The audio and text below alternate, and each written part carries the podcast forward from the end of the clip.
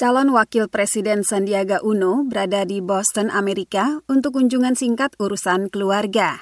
Namun, ia sempat berbincang dengan VOA dan mengungkapkan alasannya menolak hasil pemilu, malah mengajukan gugatan hasil pemilu ke Mahkamah Konstitusi.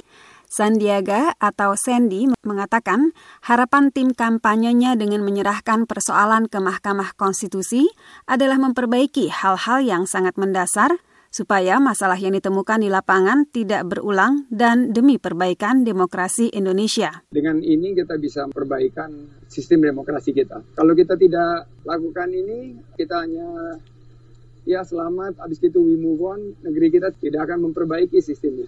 Menanggapi penilaian beberapa pihak bahwa bukti-bukti yang diajukan tim kampanyenya ke Mahkamah Konstitusi tidak kuat, Sandy menyerahkan sepenuhnya kepada MK tetapi ia yakin semua pihak mempunyai keinginan baik untuk memperbaiki sistem demokrasi. Kita tunggu nanti tanggal 28 Juni apa yang akan menjadi keputusan dan tentunya kita mengedepankan kepentingan bangsa dan negara.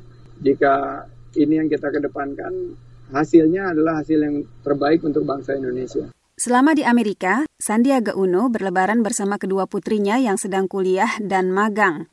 Setelah delapan bulan berkampanye, ia jeda sejenak untuk meluangkan waktu bersama keluarga, ujarnya. Kita gunakan kesempatan untuk bertukar pikiran, mendengar ter terakhir apa saja yang menjadi tren di Amerika, terutama di bidang yang saya geluti, entrepreneurship dan teknologi ini Amerika kan pusatnya. Pekan depan, Sandy sudah berada di Jakarta lagi, siap mengikuti persidangan gugatannya.